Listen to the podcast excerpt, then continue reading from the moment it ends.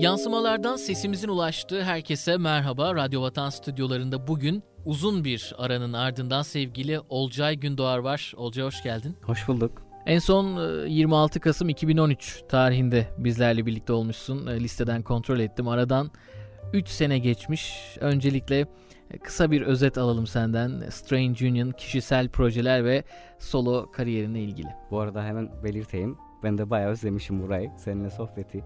Biz de seni özledik. E, gerçi dışarıda rastlaştığımızda keyifli bir e, beyin fırtınası gerçekleştiriyoruz ama bugün birazını dinleyicilerimizle de paylaşacak olmak güzel. İyi ki buradasın. Sağ olasın. Ee, şimdi 3 yılda neler oldu? Strange Union bir ara verdi. Çünkü e, solistimiz Orçun Benli'nin bir askerlik süreci vardı. İyi haber şu an çıktı. Ya, e, yaklaşık bir, bir buçuk ay oluyor. Ve Strange Union artık geri dönüyor diyebiliriz. Ee, onun dışında Ruh diye yeni bir projede e, çalıyorum. O da Türkçe metal diyebiliriz. İçinde e, Türk ezgilerinin olduğu sert soundlu bir müzik. Onun dışında ilk kez buradan söylüyorum bunu. E, albüm çalışmasına yavaş yavaş başladım. Tabi henüz albüm demek için çok erken ama çalışmalara başladım. Kişisel alanda da böyle bir durum var. E, hemen hemen özet olarak böyle. Bahsettiğin gerçekten büyük bir haber. Bununla devam edelim. Çıkaracağın albümün detaylarını öğrenelim senden. Son olarak 2-3 tane kayıt yapmıştın. Albüm yaptığın parçaların devamı niteliğinde mi olacak? Güzel sordun. Ee, ben o dönemde bunların bir bütünlük sağlayacağını düşünüyordum. Fakat öyle olmadı. Kendimi bulma arayışı diyebiliriz o bestelere. Ee, hepsini yapıp bitirdiğimde ve dönüp arkaya baktığımda her birinin tarzının farklı olduğunu gördüm. Yani evet belki hepsi kendi içinde bir yere oturtulabilir ama bir albüm içinde biraz dağınık kalıyor. E, bütünlük sağlayamayabilir. Fakat kendimi bulma yolunda iyi bir deneyimdi benim için. Şimdi albüm tabii ki birbiriyle bağlantılı parçalardan oluşacak. Biraz tüyo verecek olursam funk, rock ve doğu ezgilerinin olacağı bir fusion diyebiliriz belki. E, çıkış tarihiyle ilgili bir e, öngörüm var mı? En az bir buçuk sene diyebilirim. Hani adam akıllı oturup üstünde çalışmak istiyorum. Yani albüm denilebilecek bir noktaya gelmesi için altına imzamı atabilecek bir duruma gelmesi için e, bayağı bir uğraşmam lazım. Ha, bunun öncesi aslında bu aradaki 3 yılda da kafamda aslında her şey oturmaya başladı yavaş yavaş. Şimdi zamanı geldiğini hissediyorum. Tamamı enstrümantal bir albümden söz ediyoruz galiba. Çok büyük bir oranı. Yani belki bir tane iki tane sözlü beste olabilir ama çoğunluğu enstrümantal. Son dönemde Kıbrıslı sanatçıların birçok projesi yayınlandı. Senin favorilerini merak ediyorum. Bu konuda bayağı şanslıyız. Çünkü son 4-5 yılda bayağı bir gelişme var senin de fark ettiğin üzere. Üretimin artması çok iyi tabii ki. Hem şu an için hem bizden sonra gelecek olan nesil için çok önemli. Sevindirici bir şey. Mesela e, Cahit Kutrafalan'ın albümü dünya standartında bir albüm. Onun dışında albüm değil ama Sensijem'in birkaç parçası var bildiğim kadarıyla. Çok iyi kendi tarzlarında. Biraz eski kaldı aslında ama Shades of Black vardı. O çok hoş bir albüm. Yani şimdi unuttuklarım olabilir gücenmesinler bana ama yani ilk aklıma gelenler bunlar. Buna katılır mısın bilmiyorum Olcay ama alternatif müzik pazarda kendine pek fazla yer bulamıyor. Müzisyen olarak herkesçe kabul görmek, geniş kitlelere ulaşmak gibi bir e, kaygınız var mı yoksa biz özel olsak da bu bize yeter mi diyorsun? Büyük kitlelere ulaşmak tabii ki herkesin isteği. Fakat seyirci sayısına göre mutlu olmuyoruz aslında. Şöyle söyleyeyim. Ben 50 kişiye de çaldım. 5000 kişiye de çaldım.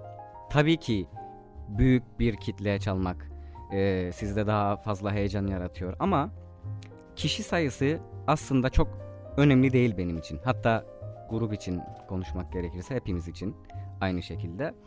Dediğin gibi pek e, rağbet yok. Fakat bu dünyada böyle aslında. Yani rock müzik veya caz müzik, blues müzik tüm dünyada şu an e, daha az rağbet görüyor. Fakat diyeceksin ki e, YouTube'da konserlerde görüyoruz e, milyonlara, binlere çalıyorlar. O da biraz nüfusla alakalı bir şey herhalde. Çünkü kendilerine düşen küçük kitle bile büyük oluyor o zaman işte. E, bir de Avrupa'nın kolay ulaşımı var. Diğer ülkelerden de e, konserlere gidilebiliyor. Hal böyleyken Kıbrıs'ta tabii ki rock, blues veya caz müziğe olan ilgi çok çok çok daha düşük kalıyor. Ama dediğim gibi bara 50 kişinin gelmesi benim için hiçbir problem değil. Çünkü paylaştığınız şeyi anlayabilen insana çalmak en baştaki e, mutluluğumuz. Fakat bu tabii ki sektörü etkiliyor. Çünkü biz mutlu oluyoruz ama dediğim gibi bu bir sektör. Bar bundan mutlu olmuyor. Satışını iyi yapamıyor. Bu şekilde yavaş yavaş düşüyor. Buna saygı gösteren, bizim gibi düşünen bar sayısı da çok çok az olduğu için e, alternatif alanda müzik yapan e, insanlar daha az sahneye çıkmaya başlıyor. Yansımalarda Olcay Gündoğar'la olan sohbetimiz devam ediyor. Sanatçılar olarak sıkı bir mücadelenin içerisindesiniz. Yalnız şöyle de bir durum var. Oluşan olumsuzluklar başarının önünde duramıyor. Yakın zaman önce Zeytinli Rock Festivali'ne katıldın. Bu süreci de dinleyelim senden. Tabii. Ee, Zeytinli'ye ruhla katıldım. Ruh çok e, yeni bir oluşum. E, Cemal Osmanlıların, sevgili dostum Cemal'ın bir projesi. Birkaç beste yapıp bana dinletmek istedi. Ben de hayran kaldım gerçekten. E, bu projenin içinde olmak istedim. Ve bir anda işler gelişti. Tüm grubu toparladık. Akabinde yaklaşık 2-3 ay gibi bir sürede 60'ın üstünde beste çıktı. Demek ki kimyamız tutuyor gibi bir durum ortaya çıktı. Tam da böyleyken Zeytinli Rock Festivali biliyorsun birkaç yıldır yapılıyor. Ve e, geçen yıl ve bu yıl her şehri gezerek grupları keşfetmeye çalışıyorlar. Bu yıl ilk kez Kıbrıs'a da geldiler. Biz de o dönem çok yeniydik ama yani neden olmasın bir deneyelim dedik. Önemli isimler geldi. İskender Paydaş gibi, e, Umut Kuzey gibi. Böyle bir jürinin önünde çıkıp e, performansımızı yaptık. Açıkçası çok da ümitli değildik.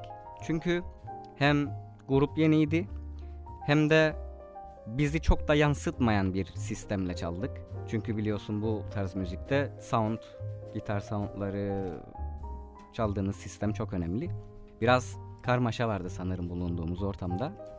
Ama konsere yaklaşık bir ay kala bir telefon geldi ve geliyorsunuz falan diye. Çok sevindik. Gidip orada en güzel şekilde performansımızı yaptık. Dediğin gibi çok önemliydi bizim için de bu. Güzel insanlarla tanıştık, güzel insanlara ulaştık. Amacına ulaştı diyebiliriz. Konser amacına ulaştı diyebiliriz. Ee, çok güzel paylaşımlarda bulunduk. Bu tip organizasyonlar sadece sanatçının kendini tatmini değil, aynı zamanda profesyonel gelişim için de çok önemli olsa gerek olacak. Kesinlikle, kesinlikle doğrudur. Zaten Kıbrıs'ta da bu işin gelişmesini istememizin nedeni bu. Yani kontak kurma e, şansınız fazla olunca önünüzde açılabilecek kapıların fazlalığı da artıyor. O yüzden e, bu tarz organizasyonlar ve katılmak çok önemli. 3 yıl önce geldiğinde de sana buna benzer bir soru sormuştum. Hala aynı cevabımı vereceksin bilemiyorum ama Kıbrıs'ta müzik sektöründeki en büyük yanlış sence nedir diye soracağım. Daha iyi olunabilmesi için hangi adımların atılması gerekiyor?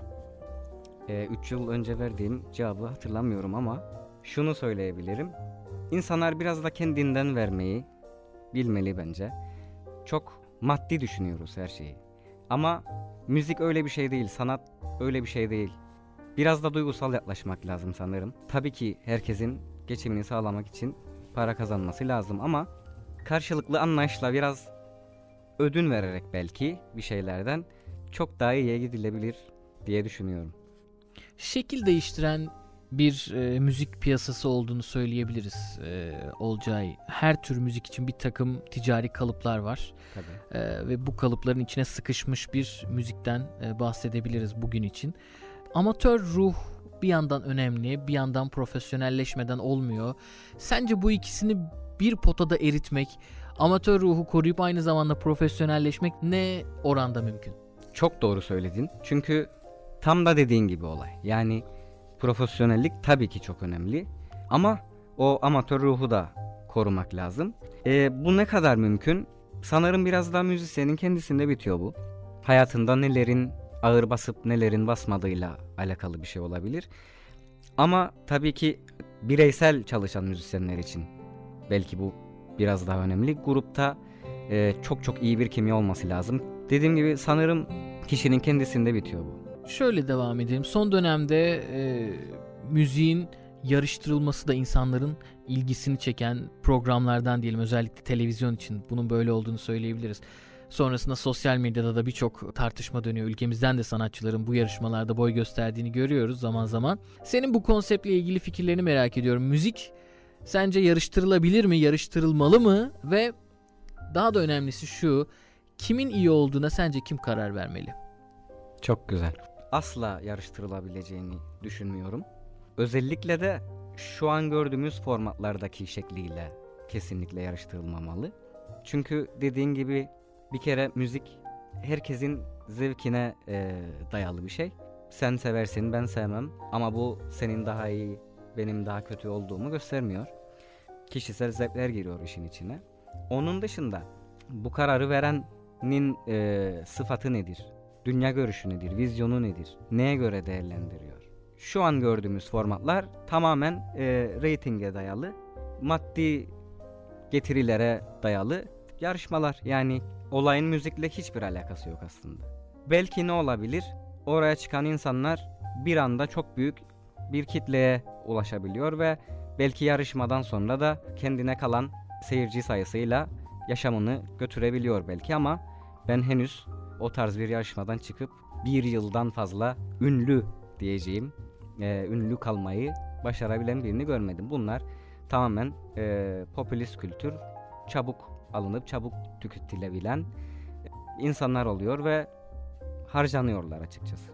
Avrupa'daki, Amerika'daki yarışmalarda başarılı olan e, insanlar çok iyi yerlere gelebiliyorlar. Bunu görüyoruz. Doğru. E, fakat bizde başarılı olanlar bir anda dediğin gibi tüketilip gidiyor, silinip unutuluyor.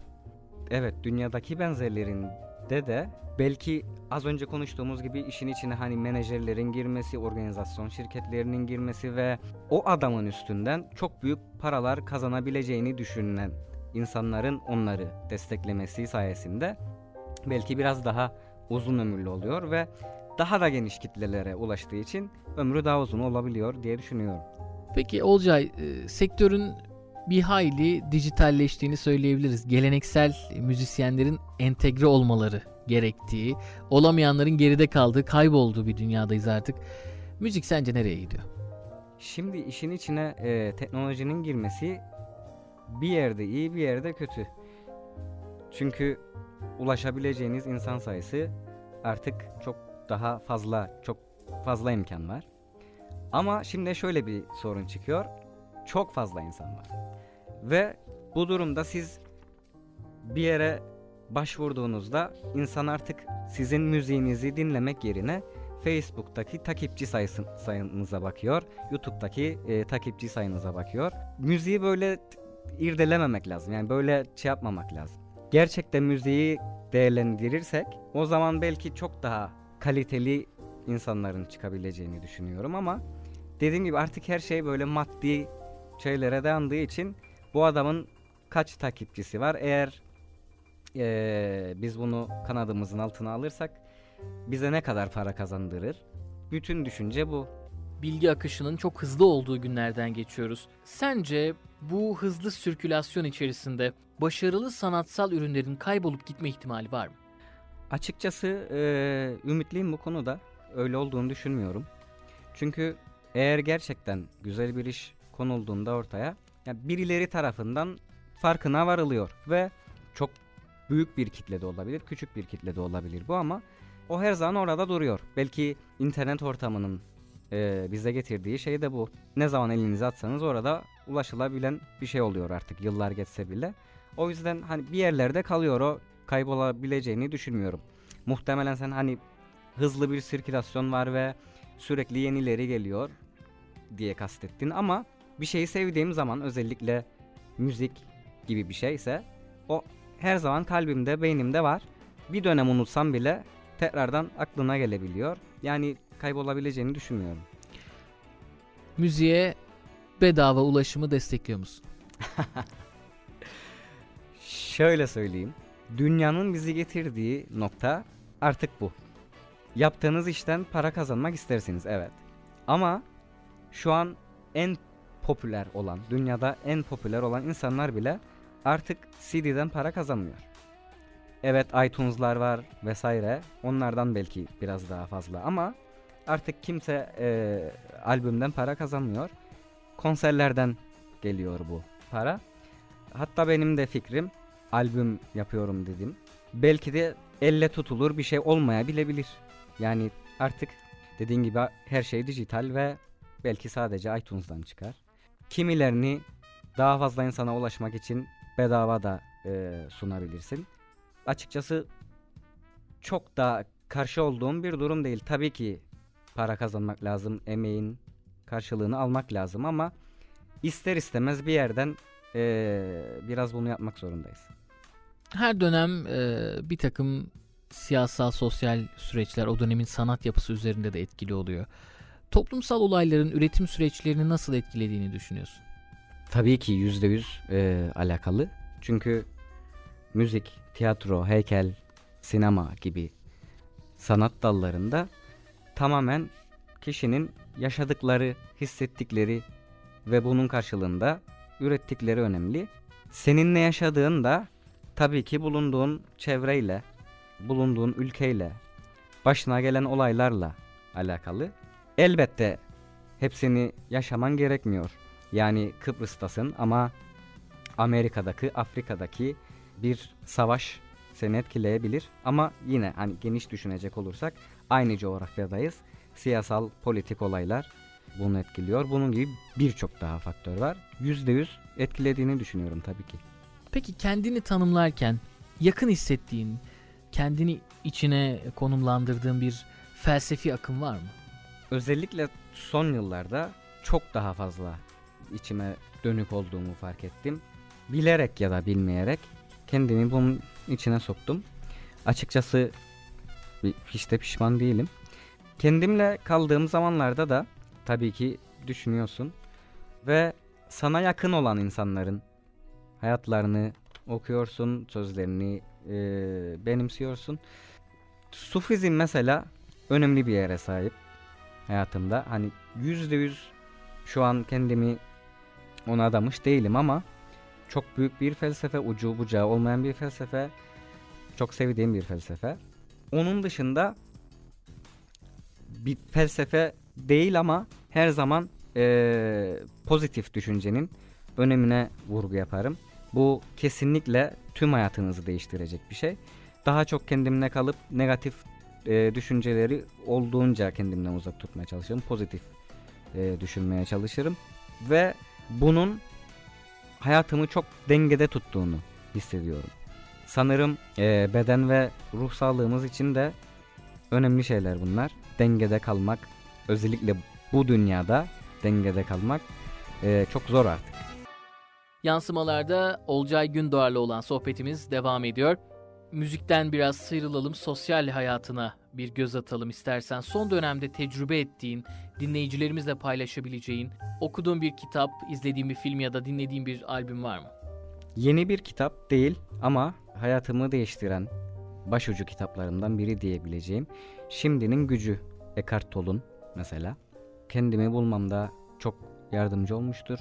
Etkileri büyük üstümde. Belki onu tavsiye edebilirim. Onun dışında hayatımı değiştiren değil ama henüz yeni çıkan Eric Johnson'ın bir akustik albümü var. Bu süreçte yine Mike Stern çok sevdiğim bir gitarist. Onun yeni albümü var. Ve farklı fikirler sunabiliyorlar hala. Ee, o yüzden belki onların son albümlerini dinlemelerini özellikle gitar çalan arkadaşların tavsiye edebilirim. Yine aklıma geldi David Gilmour'un yeni albümü var. O da aynı şekilde hala söyleyecek şeyleri olduğunu gösteriyor. Ee, bunlar e, takip edilmesi gereken önemli insanlar bence. Peki Olcay yavaş yavaş programın sonlarına doğru yaklaşıyoruz. kariyeri adına e, yorulmadan ilerleyen, zorluklarla yüzleşen ve ülkemiz müziğinde belli seviyenin üzerine çıkmış bir sanatçı olarak bugünün dünyasında müzik kariyeri yapmak isteyen arkadaşlarımıza son söz olarak neler söylemek istersin? Şimdi ilk önce e, teşekkür ederim güzel sözlerin için. İltifat Ama... değildi, e, gerçekleri vurguladım. Sağ olasın. Yalnız e, gerçekten sanatçı çok büyük büyük bir kavram taşıması zor bir kavram. Yine de teşekkür ederim. Özellikle Kıbrıs'ta yaşayan dostlarım için şunu söyleyeyim. Muhtemelen en fazla oradan dinleniyoruz. Ee, hiçbir şekilde yılmayın. Çünkü karşınıza çıkacak olan negatif şeyler çok fazla. Açık ve net. Üzgünüm. Ama az önce konuştuğumuz gibi artık sosyal medya var. Sahne bar olmasa bile evinizden bile yayın yapabiliyorsunuz. Bir şekilde yaptığınız ürünü bir şekilde e, ortaya koyabiliyorsunuz çok rahatça ve istediğiniz insanlara yavaş da olsa ulaşabiliyorsunuz. Kıbrıs gibi bir yerde bunun hızı çok daha fazla tabi. Onun öncesinde paylaşım sürecinin öncesinde tabii ki gereken çok çok çok çok çalışmak. Bu iş çok emek isteyen bir şey.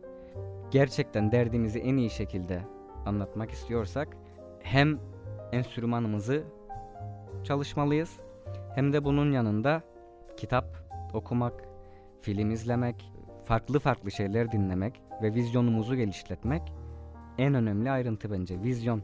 Vizyon ee, söyleyebileceğim e, en önemli kelime olabilir.